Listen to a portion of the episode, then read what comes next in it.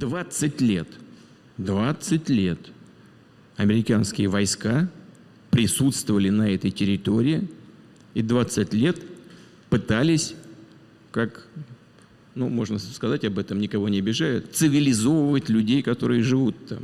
Russia Uncensored.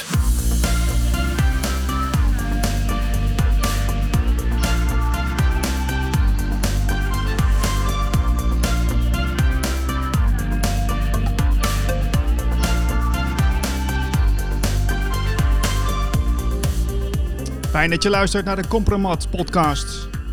Twee keer per maand hoor je hier het laatste nieuws uit Rusland. Ongecensureerd met William Immink. Hallo. William, welkom. Ja, vandaag voor het echi, hè? Het is zover. Ja, joh. Lang op gewacht. Ja, de mensen die zitten natuurlijk eh, te trappelen thuis Het is wat. voor het laatste nieuws uit Rusland. En eh, ja, we hebben een bomvolle show vandaag. Zeker. Genoeg te bespreken. We hebben eh, natuurlijk eh, de, de verkiezingen die eraan komen. De Duma-verkiezingen. Ja, We hebben de, de politie en maffia waar je wat over gaat vertellen. En eh, ja, de situatie in Afghanistan, want daar kunnen we toch niet helemaal onderuit, hè? precies. Dat is een hot item deze weken. Dus. En je had nog een, heb, jij, heb jij een nieuwe auto gekocht, hoor, vertelde je? Ja, klopt. Deze zomer, eh, terwijl iedereen eh, op vakantie was, heb ik mijn vakantiecentjes eh, aan een nieuwe, gloednieuwe Lada uitgegeven. Dus kunnen we de Russische wegen weer onveilig maken. Kijk, het moet vast lukken. En verder nog wat leuks gedaan in de zomer? Ja, shashlikjes braden, zwemmen. Het was een heerlijk warme zomer. En ja, heerlijk. Super. We gaan, er, we gaan weer beginnen, William. Ben je er klaar voor? Zeker. This is the Russia Uncensored podcast. We gaan naar het verre Rusland met William Immink. De eerste editie. En eh, het leuke aan de eerste editie is dat hij gratis is, hè, William? Ja, dat is eh, voor de mensen, de luisteraars natuurlijk ideaal. Lekker gratis. Dat, eh, dat vinden Nederlanders fijn. Ik weet niet hoe het met de Russen is eigenlijk. Ja, nou, de Russen die eh, hebben, hebben geen geld, dus die zoeken ook altijd naar eh, een uitweg. Maar eh, ze zijn ook niet te beroerd om geld uit te geven. Dus alles wat ze hebben, dat kunnen ze zo in één dag besteden.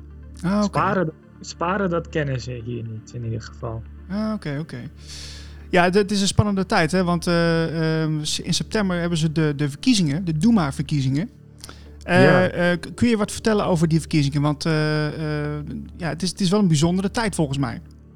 Nou, je noemt het spannend, maar eigenlijk zijn verkiezingen in Rusland nooit echt heel erg spannend. Want de uitkomst staat eigenlijk al, al maanden van tevoren vast. Maar die verkiezingen, dat is nu niet helemaal onbelangrijk. Want de- ja, het is toch wel een, een soort van een weerspiegeling van hoe Poetin het doet. Eh, het gaat dus nu om de Duma, het parlement. En eh, nou ja, de Verenigd Rusland-partij, Poetins partij, die staat er niet goed voor. Eh, ze hebben een, een, een populariteit van zo rond de 20, 25 procent. Terwijl ze in 2016 nog 54 procent van de stemmen kregen. Dus een, een absolute meerderheid. En die gaan ze nu waarschijnlijk verliezen. Maar ze hebben er allemaal dingen voor, over, voor bedacht om toch uiteindelijk eh, een, eh, een ruime meerderheid te behalen van de stemmen. Eh, ja, de, er zijn bepaalde media die door het buitenland zijn gefinancierd, die zijn aangestipt als buitenlandse agent. En dat betekent dat ze bij alle artikelen, dat ze daar moeten laten zien dat ze, dat ze financiën krijgen van het buitenland. Dus Oh, Mensen lezen dat dan al en denken van, oh, dat is nepnieuws, want dat komt uit Amerika of uit Europa. Eh, nou, Navalny die zit nu achter, achter de tralies en zijn organisatie is zelfs verboden begin dit jaar. Eh, en dan komen er ook nog allemaal van die dingen bij, zoals eh, pensioengerechtigen, die krijgen... eh, die kregen begin deze maand kregen ze 10.000 eh, eh, roebel op hun bankrekening gestort. Eh, om, om, ja, om te laten zien hè, van ja, onder Poetin is het allemaal zo goed en eh, nou ja, een soort fooitje, zodat ze op Poetin eh, gaan stemmen. Eh, om ze een soort van goed te stemmen. Dat soort dingen. Doe me een beetje denken aan de 1000 euro van Mark Rutte, die hij ooit, beloofd heeft hè, bij de VVD. Ja, alleen het verschil is dat in Rusland krijg je het wel en in Nederland krijg je het niet. Oké. Ja. maar eh, hoe, hoe, wordt erop gereageerd? Want je hebt vast wel familie of bekenden die dat uh, meemaken. Hoe, hoe, hoe, staat men daar tegenover? Ja, nou ja, mijn, uh, mijn schoonmoeder die moest met haar paspoort naar het werk komen. En er werd gezegd van nou, als jij met je paspoort komt, dan, hè, dan, dan, dan hoef je niet te komen stemmen, want dan is dat allemaal geregeld. Nou, hoe dat precies werkt, ik zou het niet weten. Maar mijn schoonmoeder zei, wij gaan dit jaar niet stemmen. Die nam haar paspoort weer mee naar huis en die was helemaal boos. Zo. Dus, uh, maar er zijn eigenlijk steeds meer mensen die inzien dat dit allemaal ja, doorgestoken kaart is. En dat het allemaal, uh, ja, allemaal maniertjes zijn om, om, om stemmen te trekken, om illegaal uh, ja, stemmen te ronselen als het ware. in vorige verkiezingen zijn er wel eens uh, buiten het zicht van de camera dat mensen gewoon met een heel pak uh, stembiljetten gewoon in de stembus uh, douwen. Allemaal ingevuld natuurlijk voor één partij, voor, voor één persoon, voor Poetin. Mm er zijn ook werkgevers die eisen van hun werknemers dat ze een stemvie laten zien. Nou, als ze dus niet op Poetin hebben gestemd, dan kunnen mensen worden ontslagen of uh, of juist andersom, dat je een extra geldbedrag krijgt als je op Poetin of op Poetins partij hebt gestemd. Dus er zijn genoeg middelen waardoor uh, Poetins partij toch, uh, ja, toch aan hun meerderheid kan komen. Mm -hmm. En in Rusland hebben ze daar een beetje een woord voor, dat is gitri. Dat, is, dat betekent een soort van sluw of, ja, of slimmig op een, een beetje negatieve manier. En uh, dat woord dat klinkt de afgelopen weken best wel vaak in Rusland als het over de verkiezingen gaat. Dat, komt in de media ook uh, regelmatig naar voren, die term? Nou nee, de, media die, uh, de meeste media is natuurlijk voor Poetin. Dus ja, de, de, de, je hebt een, een beetje die media van, van het Westen, hè? De, de oppositiekranten, die, die, die zijn kritisch op het hele gebeuren en die die, die brengen dat allemaal aan het licht. Maar het, idee is eigenlijk, in Rusland weet iedereen dat die verkiezingen uh, niet eerlijk verlopen. En het Kremlin weet ook dat het volk dat weet, maar die probeert het gewoon zo duidelijk uh, te laten merken van joh, wij hebben dit allemaal onder controle. Dat het volk gewoon in een soort van staat van, van moedeloosheid zit. Dat ze denken van ja, maar ik kan er toch niks aan veranderen. Een soort, uh, ja, een soort complex van, joh, het lukt ons niet om tegen de overheid in te gaan.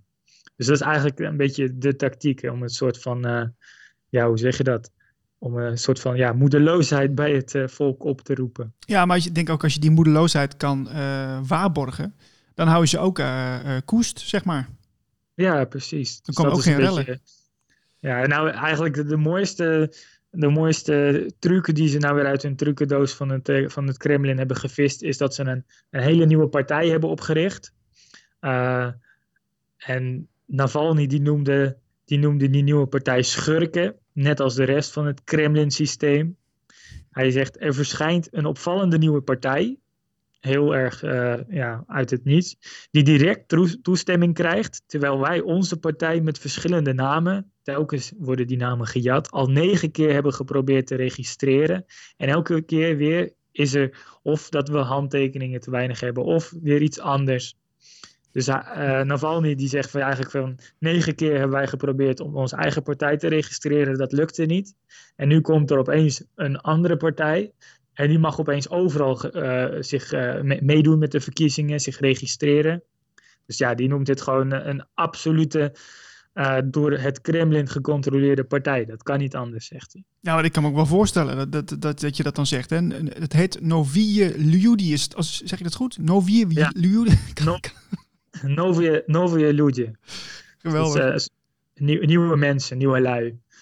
Dus dat, eigenlijk, dat is precies ook wat het volk al een beetje wil. Van, ja, het is, is tijd voor nieuwe mensen. Nou, en het Kremlin die pakt die, die term en die zegt, nou, dat, dat hebben we voor jullie. Nieuwe mensen. En dan richten ze die nieuwe partij op. Nou, uh, het is precies dezelfde vormgeving als de partij van Navalny. En van, van zijn uh, uh, nu verboden partij. er worden influencers eh, betaald om reclame te maken. Nou ja, dat is net als in Nederland eigenlijk. Hè? Eh, er, is een, eh, een zo'n hele rijke op, op, oprichter. Of oplichter, kan je dus ook zeggen. Ja. Eh, maar die is dus, ja, dat is iemand die zegt gewoon steenrijk, 50 miljoen euro is die waard. Eh, maar dan heeft hij dat nog niet eens, heeft hij nog niet eens aangegeven hoeveel huis hij heeft, hoeveel, hoeveel die in, eh, in, eh, in vastgoed heeft. Dus dat is gewoon eigenlijk een soort oligarch. Die, eh, ja, die heeft gewoon de taak gekregen van Poetin en van zijn eh tra trawanten om een nieuwe partij eh, te, te registreren. En eigenlijk het doel van die nieuwe partij is dus om de jeugd te bereiken, want de jeugd die stemt al, al jaren niet. Eh, de tweede reden is om de wind uit de zeilen van andere oppositiepartijen te halen. Dus je hebt de communisten, je hebt de rechtvaardige Ruslandpartij. Dat zijn allemaal partijen die worden gedoogd door het Kremlin, want ja, die stemmen vaak eh, voor Poetins wetgevingen. Dus die Mhm. stemmen eigenlijk nooit tegen het Kremlin. Eh, dat, dat is een soort van, heet de systeemoppositie. Nou, en het is een soort alternatief voor mensen die de Verenigde Ruslandpartij zat zijn. Die denken van, oh, mooi, een nieuwe partij, laten we daar eens op stemmen. Eh, maar ja, in de praktijk is er geen verschil tussen die twee partijen. Het is gewoon een andere naam, een nieuwe noemer en een mooie vormgeving en een gelikte campagne. Ja, dat is... Maar Ja. dit, dit klinkt een beetje als een soort, eh, soort afleidingsmanoeuvre.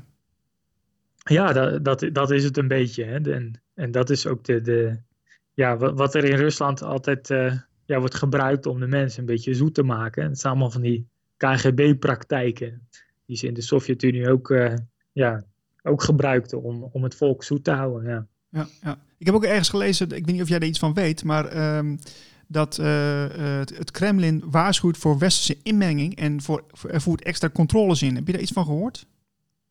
Eh, ja, eh, Rusland is natuurlijk altijd bang voor, eh, hè, voor westerse inmenging als, als hacks, eh, hacken, weet je wel. Ja.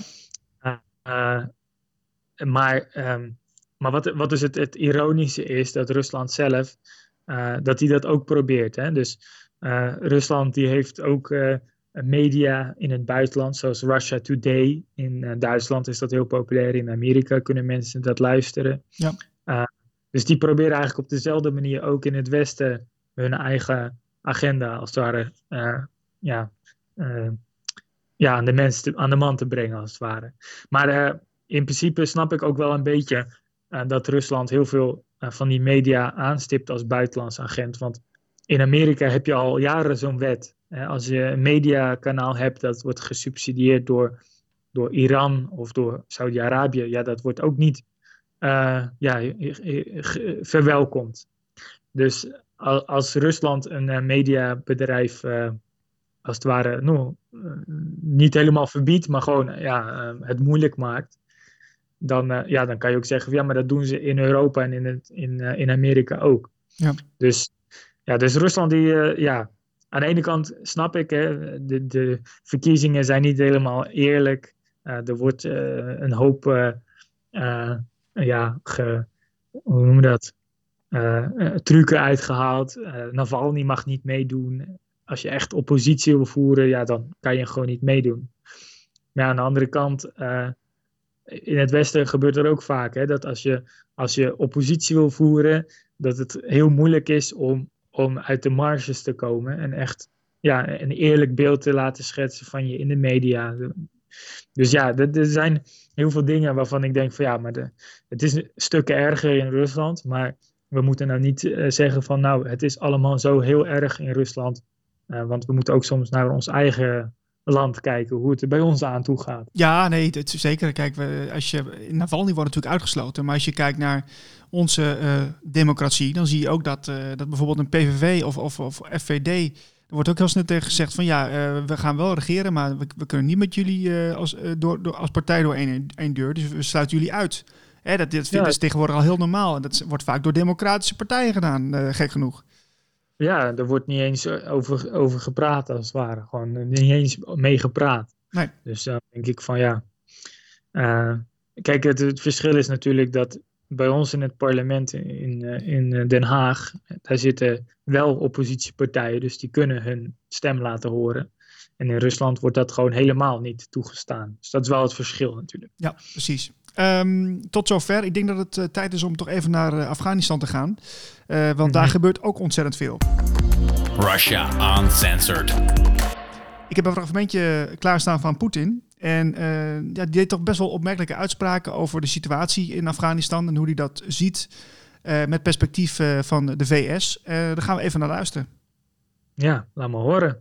20 лет, 20 лет американские войска присутствовали на этой территории и 20 лет пытались, как, ну, можно сказать об этом, никого не обижают, цивилизовывать людей, которые живут там.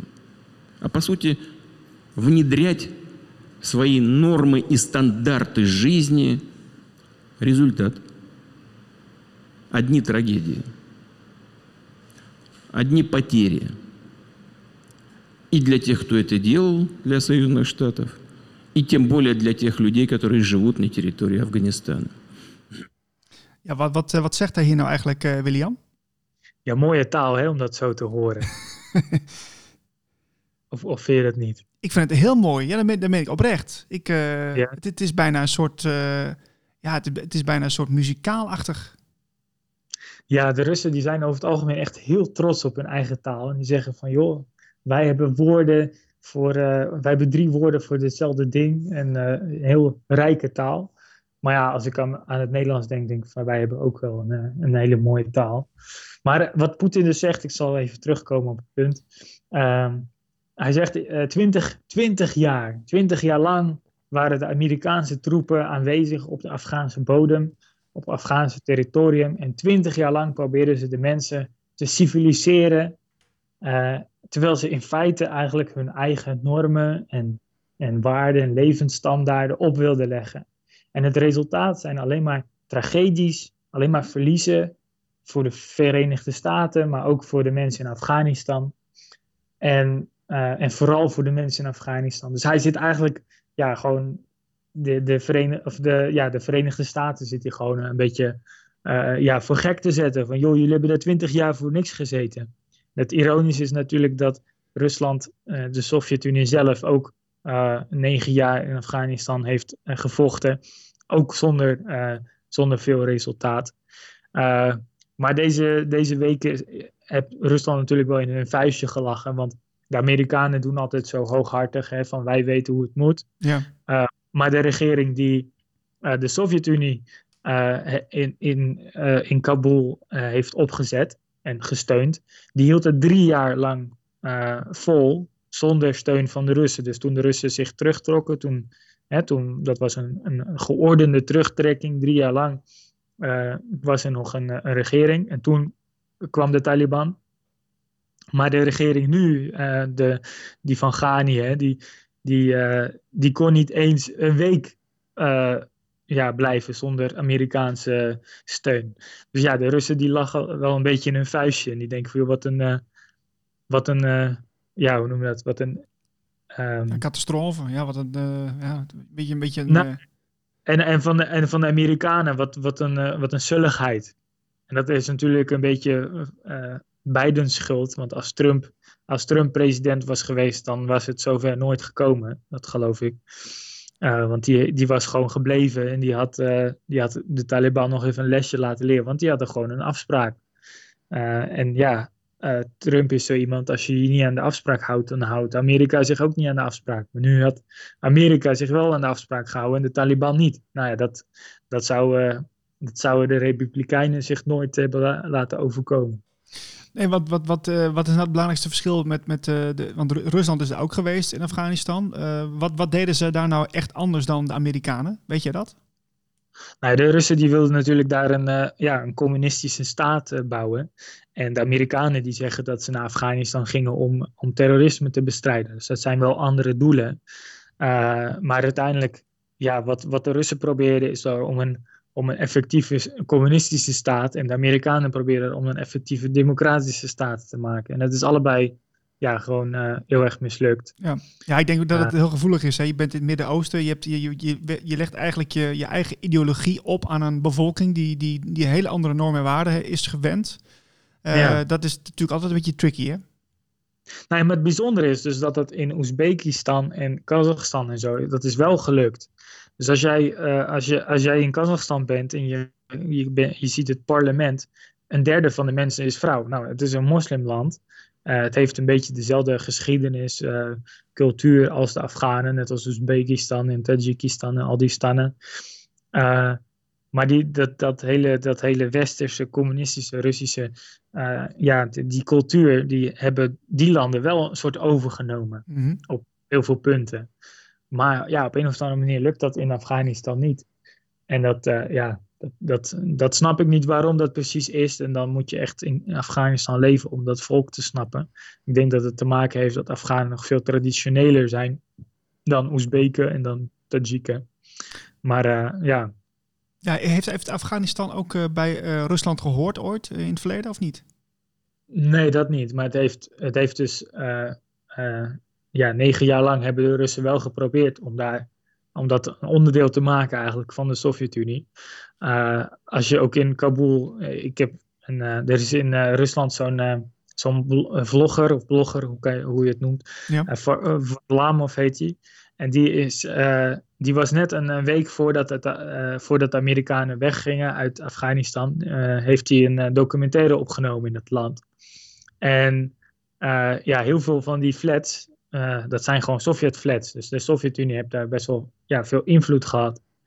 Um, hij liet ook zien dat, dat bijna een derde van alle Afghanen dat die drugsproblemen hebben. Dus het is ook echt een, ja, een heel arm land. En um, nou, dat is eigenlijk ook waarom Rusland ja, zich een beetje zorgen maakt. Want ze willen niet dat dat uh, over, uh, overtrekt naar uh, Turkmenistan en Oezbekistan en Tajikistan. Dus ze hebben nu al samen met Oezbekistan en Tajikistan hebben ze, um, hebben ze legeroefeningen gehouden, militaire oefeningen aan de grens.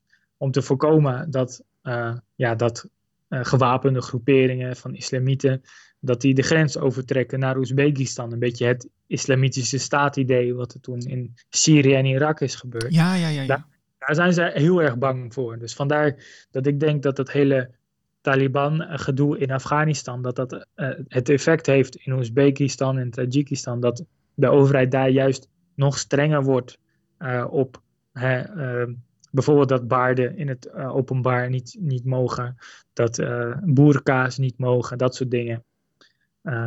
Dus dat zie je wel, dat het veel strenger wordt in, in Centraal-Azië. En dat Rusland ook daar veel meer invloed krijgt. Dus. Ja, ik, ik besefte me ook to, toen ik hier vanmorgen mee bezig was. Toen dacht ik van jeetje, al die, al die stannen die je net ook opnoemde. Hè? Oezbekistan, Turkmenistan en al die andere landen daaromheen. Ja, wij krijgen daar heel weinig van mee in Nederland. En, en nu wil ik eigenlijk een bruggetje maken naar het volgende onderwerp. Want in de buurt van Japan ligt ook een, een eilandengroep. Mm -hmm. Dat is de, even kijken, de Kuril-eilanden zijn dat. Zeg je dat goed? Ja, de Kurillen, ja. ja in ja. het Nederlands.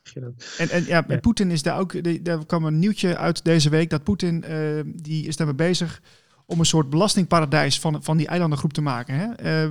wat, wat, wat, wat gebeurt er eigenlijk? Kun je er iets van vertellen? Nou, eigenlijk uh, Rusland en Japan die hebben nog nooit uh, vrede getekend. Die zijn eigenlijk officieel nog altijd uh, in oorlog te, met elkaar. Over die vier eilandjes. En die hebben hele moeilijke namen. Dat moet je nu niet aan me vragen wat dat precies zijn. ja. maar um, en in 2020 heeft Rusland de grondwet veranderd. dus er mag officieel volgens de grondwet, grondwet, volgens de grondwet mag Rusland geen territorium meer weggeven aan andere landen. Dus, dus die Kurillen die mogen volgens de grondwet van Rusland niet terug naar Japan. En Japan is daar eigenlijk ja, best wel pissig over, want die vinden dat die Kurillen nog bij hun horen. En die hoorden vroeger ook echt bij Japan. Maar in de Tweede Wereldoorlog heeft Rusland die, of de Sovjet-Unie toen, heeft die van hun ja, afgepakt. En eigenlijk al 70 jaar zijn die eilanden Russisch. Mm. 80 al bijna. Maar uh, ja, dit is een beetje een soort van ja, oplossing. Poetin die wil eigenlijk zorgen dat die Kurillen open, ja, open worden voor, voor iedereen. Dus Chinese bedrijven, Japanse bedrijven. Die kunnen daar tien jaar lang zonder belasting te betalen, kunnen die daar opereren. nou ja, dus dat wordt een, een, een soort uh, ja, belastingparadijs voor Ruslandse rijkste. En Ja. ik zie dat helemaal voor me, dat al die oligarchen met hun eh, rijke bedrijven daar een kantoortje openen. Dus ja, voor die Korillen is dat prima natuurlijk. Het is, het is wel een heel na- natuurgebied hè, daar. Ik heb het een beetje opgezocht. Maar eh, de gro- grote gebergtes. Maar Ja. eh, ik begrijp ook dat, eh, dat de Japanners hebben nog geen antwoord gegeven. Nou ja, maar daar hebben die niet zoveel over te zeggen, want ja, Rusland is daar de baas. Dus. Oké, oké. Het is alleen natuurlijk de vraag van, joh, wat, wat vinden die ervan? Vinden die dat een goede oplossing? En gaan die ooit die Korillen dan erkennen als Russisch grondgebied? Dat is nog maar de vraag. Oké, nou ik, ik ben heel benieuwd. eh, maar het is, het is geen eh, onderlinge spanning of zo. Het is niet zo'n zo'n eh, zo- zo'n spannende situatie als in een oorlogssituatie. Zo moet ik het niet zien. Nee, het is niet dat ze met, met tanks tegenover elkaar staan. Maar, maar, maar het is nog wel zo'n probleem dat ze nog geen vrede hebben getekend. Dus, Oké, En eigenlijk, Poetin noemde het absurd dat dat nog niet gelukt is. Maar ja, dat is wel iets wat, ja, wat eigenlijk nog ontbreekt aan de, aan de vrede na de Tweede Wereldoorlog. Ehm, je, je hebt natuurlijk in, in Rusland reis je regelmatig eh, rond, vertelde je mij. Je hebt nou net een mooie nieuwe Lada gekocht. Eh, Ja. Maar je, je hebt ook vaak te maken met de politie, hè, vertelde je mij. Ja, nou, dat was van de zomer eh, toen iedereen op vakantie was. was er een, een interessant nieuwsbericht. Eh, en het bleek dat er in, eh, in de Stavropol-regio, dat is eh, een zuidelijke regio, bij de, al die moslim-Caucasus-republiekjes. en daar heb je dan de Stavropol-krij. En daar bleek dus dat er een, een, een politiecommandant, die had een hele politie-maffia-imperium opgebouwd. Dus hij met zijn 35 onder, onderdanen, andere politieagenten, die, eh, ja, die hadden allerlei eh, ja, illegale praktijken, eigenlijk waarvan iedereen weet dat die bestaan, maar waarvan niemand eh, ja, echt durft, ja, hoe zeg je dat? Durft aan te geven dat dat zo is. Dus het is een soort van pu- publieksgeheim. Ah, ja, ja, ja. ja. Je hoort vaak dat mensen die dan in Georgië op vakantie zijn geweest of aan de Zwarte Zee in Sochi, die moeten door Stavropol. En, en vaak als er iets mis is aan de auto, hè, dan wordt er door die politieagent gezegd van joh, eh, de auto moet ingenomen worden. En eh, als je dat niet wil, dan moet je nu eh 10.000 roebel, hè, 110 euro, moet je neerlappen Mhm, ja. Dat doen heel veel van die, eh, van die automobilisten. Want ja, je wil natuurlijk niet hebben dat jouw auto in een eh strafstajanka heet dat, een strafparkeerplaats gaat staan. En dan moet je, moet je weer eh, ja, geld betalen om hem er weer officieel uit te krijgen. En dan moet je, dan moet je voor de rechtbank verschijnen. Ja, die hele gezinnen die zijn op vakantie en die willen gewoon eh, of naar hun vakantiebestemming of terug naar huis. ja, maar dat is al best wel een bedrag, of niet? Voor de Rus. voor Russen is dat inderdaad eh, wel veel. Dus je hebt best wel wat gezinnen die eh, komen in, op de Krim of die komen in Sochi aan. En die hebben geen geld meer om, om daar eh, eten te kopen. Oh, dat, dat is toch ook zielig? Dus dat is wel zielig natuurlijk. Oh, Uh, maar ik heb zelf dus ook wel zoiets gehad. Ik kwam er nog uh, bekijkt vanaf, want uh, wij, wij reden terug uit Georgië. En ik had in Georgië had ik een fles Georgische wijn gekocht. Nou, het kostte iets van 3 euro zo'n fles. mhm. Die in Rusland een tientje kost. Dus ik denk, nou, dat is mooi meegenomen. Letterlijk en figuurlijk. Uh, en nou, toen reden we door de, de Republiek Kabardino-Balkarië. En uh, toen werd mijn auto uh, werd eruit geplukt met zo'n met zo'n politiestokje, zo'n lichtgevend politiestokje. Mm -hmm. wees hij naar mijn auto en wees hij naar, hè, naar de kant. Dus dan betekent dat dat je moet stoppen. Dus ik rij ja, een stukje verder, zet mijn auto stil. Ik, ik wacht tot de politieagent. Ik rijd dan altijd een, een, klein stukje verder, zodat die politieagent een end moet lopen.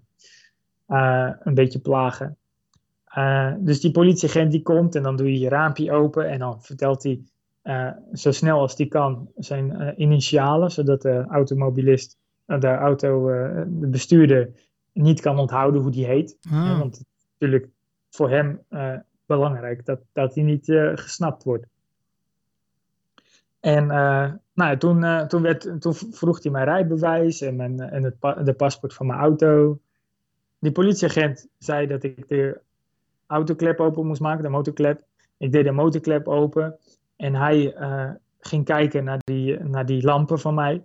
En hij zei, je hebt xenonlampen staan. Ik zeg, oké, zal wel. Ja. ik, heb, ik heb die auto van iemand gekocht en eh, de lampen doen het prima.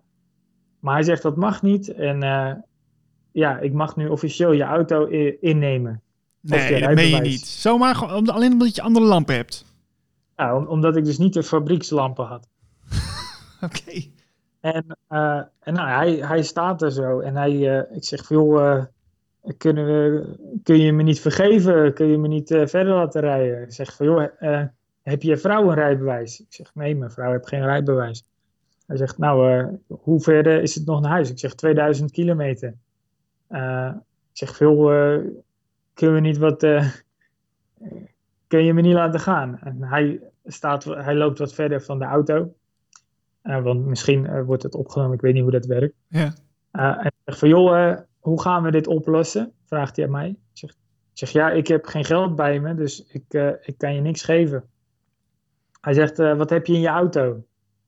Nou, ik stond echt versteld. En, toen, en toen herinnerde ik mij dus die, eh, die fles wijn die ik had liggen. Ik zeg, joh, ik heb een fles wijn liggen. Hij zegt, eh, stop in een plastic zak en breng naar mijn auto. Nou, dus ik, eh, zo gezegd, zo gedaan. En ik kom dus met die, met die, met het, met die fles wijn naar hem toe. En ik wou hem dat overhandigen in zijn hand. Hij zegt nee, nee, nee. En doet de deur van zijn, van zijn politieauto open. Hij zegt leg maar neer. Dan heb hij officieel niet ja, die, die steekpenning in zijn handen aangenomen. Mhm. Eh, maar ik heb het hem wel eens in zijn auto gelegd. nou, en toen gaf hij, en toen gaf hij mij eh, mijn rijbewijs terug en het paspoort van mijn auto. En hij zei, eh, hij gaf me een tip. Hij zegt, rij maar verder met je lampen uit. Oh. Ik zeg, oké, ik doen. Dus ik heb de rest van de dag met mijn lampen uitgereden. Terwijl dat eigenlijk ook niet mag in Rusland. Maar ja, dan heb je maar 500 roebel boete. Eh, maar hij wist natuurlijk dat zijn collega's ook op dat soort dingen letten. Want eh, ik keek later uiteindelijk eh, naar, eh, op internet van, joh, wat is nou de straf voor die xenonlampen? En bleek dat er in, een, in Sint-Petersburg, dat er in een soort, in een rechtszaak was besloten dat die wet te streng was. En dat je maximaal 500, boete, 500 roebel boete mocht vragen voor zo'n, voor zo'n overtreding. Hmm. Uh, in plaats van de auto of je rijbewijs innemen. Dus hij had a- mij helemaal niet uh, ja, zo mogen bejegenen. Maar dat deed hij wel. Dus Ja, ja, ja. dat, dat soort praktijken, dat gebeurt er in, uh, in, in het zuiden van Rusland vooral heel veel. Dus dan proberen ze, proberen ze geld uh, ja, af te trokken. Dus dus- en, en ik heb ook een vriend uh, die, die vertelt, hè, die had een, had een vrachtwagen. En die zegt van joh, 40 ton vrachtwagens, die mogen eigenlijk helemaal niet in de stad. Maar, uh, maar ja, er zijn wel manieren om, achter zo'n, uh, om aan zo'n, uh, zo'n toestemming te krijgen van de, van de politiebaas in de regio. Mhm. En dus je betaalt dan 300 uh, dollar per maand of zo. Maar dan kan jij met je 40 tonner uh, de concurrentie eruit rijden. Hè? Dus dat is voor heel veel mensen is dat de manier om geld te verdienen. En voor de politiebaas dus ook. Dus ja, die uh, politiebaas die was dus in Stavropol. Die, uh, ja, die was dus opgepakt. En toen bleek dat hij een, een gouden wc had. En een gouden wc-borstel en alles van goud.